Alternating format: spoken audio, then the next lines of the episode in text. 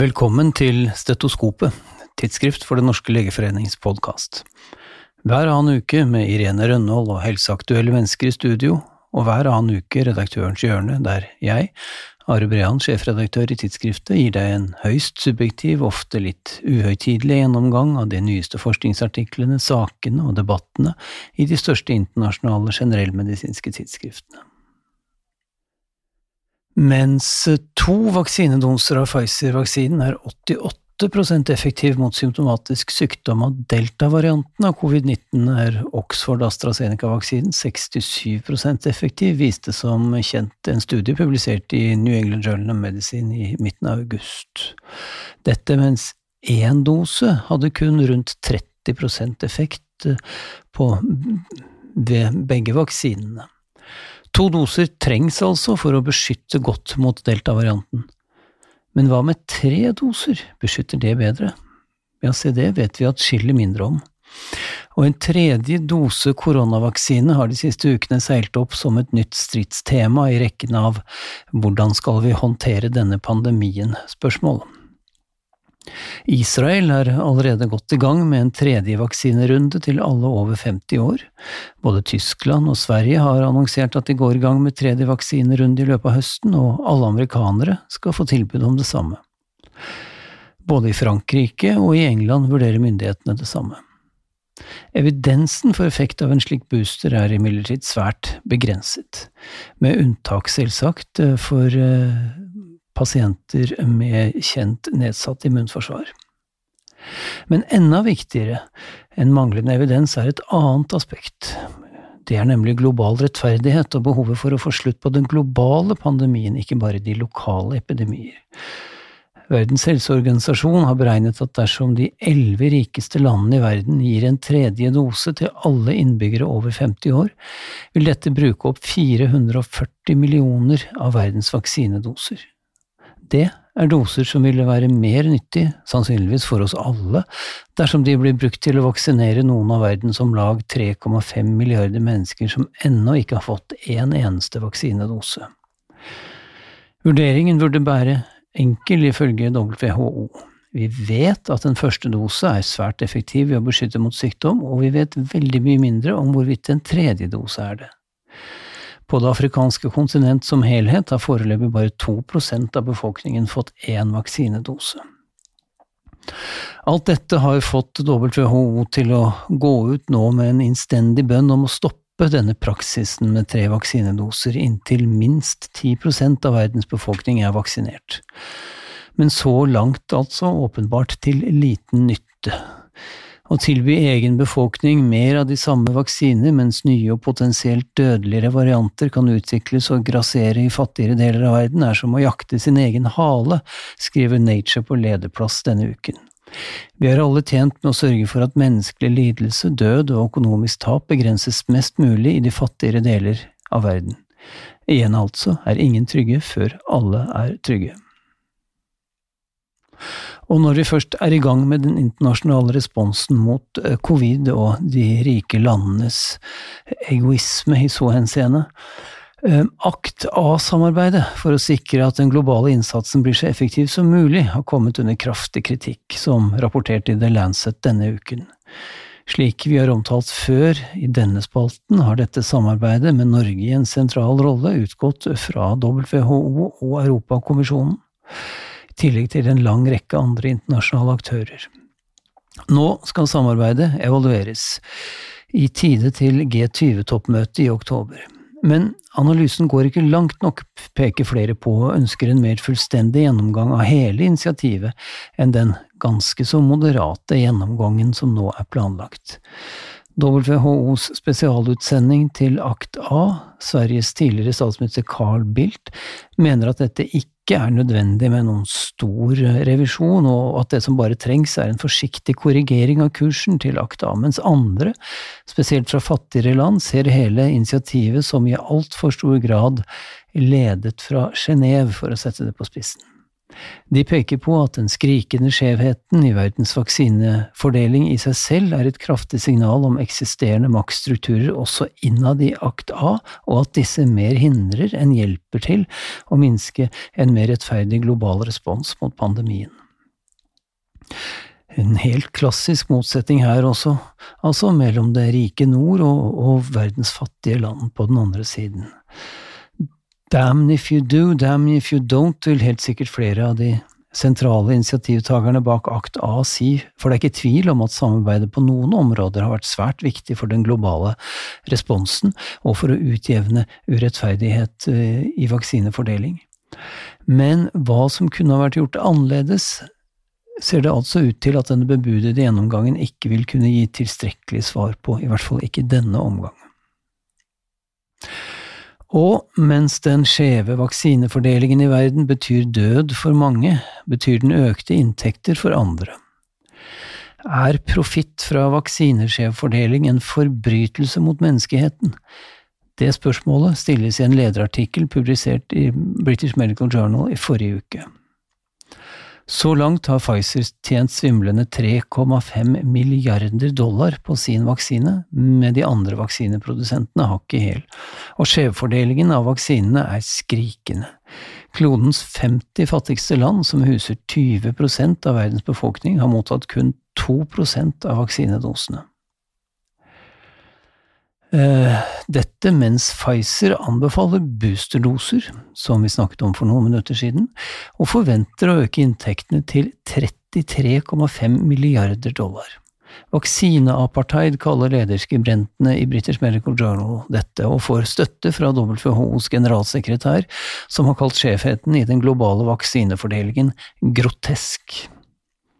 Og blant de groteske eksemplene er Canada, som har kjøpt vaksiner nok til å vaksinere sin egen befolkning fem ganger, og England, som vil kunne vaksinere sin egen befolkning fire ganger med de dosene de har kjøpt. Mot slutten av 2021, påpeker eh, British Medical Journals lederartikkel, vil rike land sitte med én milliard ubrukte vaksinedoser, mens fattigere land ennå ikke engang har fått de dosene de har betalt for. Dette siste med henvisning til tall fra Bill og Melinda Gates-stiftelsen. Fra vaksinefordeling til behandlingsforskning. For hvordan utvikler kunnskapen seg om behandling av nye dødelige sykdommer? Det er tema for en interessant lederartikkel i Annals of Internal Medicine i forrige uke. Tradisjonelt er det den fagfellevurderte, publiserte, randomiserte kliniske studien som definerer standardbehandlingen for en gitt sykdom, men covid-pandemien krevde et helt annet tempo i kunnskapsgenereringen. In vitro-data, anekdoter, kasuistikker og retrospektive observasjonsstudier ble plutselig aktuelle som beslutningsgrunnlag for behandling, i desperasjonen etter å gjøre noe som helst for syke og døende pasienter som man ikke hadde medisiner for. Ekstremversjonen av denne mekanismen var selvsagt Donald Trumps omfavnelse av hydroksyklorokin og acitromycin som den nye vidundermedisinen mot covid-19, i det han kalte one of the biggest game changers in the history of medicine. Det var basert på en YouTube-video som refererte en liten, upublisert og ukontrollert studie med disse medikamentene. Studien ble riktignok senere publisert, men deretter kraftig kritisert og diskreditert, før senere randomisert kontrollerte prospektive studier avkreftet noen som helst effekt av dette behandlingsregimet. Innen da hadde enormt mye ressurser gått til å starte nye, små og dels dårlig designede studier verden over, og pasienter verden over hadde blitt utsatt for virkningsløs behandling i månedsvis. Nå har en ny, stor studie, også publisert i eh, analysert forbruket av både hydroksyklorokin, remdisivir og dexametason i amerikanske sykehus i 13 måneder, regnet fra februar 2020. På ett vis er resultatene betryggende. Selv om man så en betydelig bruk av det ineffektive hydroksyklorokin de første ukene, avtok denne bruken raskt, ettersom økende evidens pekte mot at medisinen ikke virket. For dexametason og remdesivir var trenden motsatt. Der var det stadig økende bruk etter hvert som evidensen pekte mot effekt, om enn noe sprikende Likevel viser tallene at dexametason er for lite brukt hos pasienter på mekanisk ventilasjon, til tross for evidens for god effekt i denne gruppen. Men likevel, de kliniske miljøene har altså vist god evne, sett i retrospekt, til å manøvrere i et farvann med mye støy og motstridende data. Og her har også norske forskere i høyeste grad bidratt. Den store WHO Solidarity-studien ga viktige data på effekten av fire eksisterende medikamenter mot covid-19, men data på den antivirale effekten av remdesivir og hydroksyklorokin manglet. Den norske uavhengige add-on-studien Nord Solidarity studerte nettopp dette, og ble publisert i sommer med data fra 23 norske sykehus og 181 norske pasienter. Ingen av medikamentene hadde noen antiviral effekt i denne studien, som er et glimrende eksempel på hvordan samarbeid mellom kliniske avdelinger kan gi verdifull ny kunnskap midt i en pågående pandemi. Alfa, beta, gamma, delta, eta, iota, kappa og lambda. Nei, jeg prøver ikke å pugge det greske alfabet. Dette er de til sammen åtte åtte ulike variantene av SARS-CoV-2-viruset som har blitt funnet så langt i pandemien.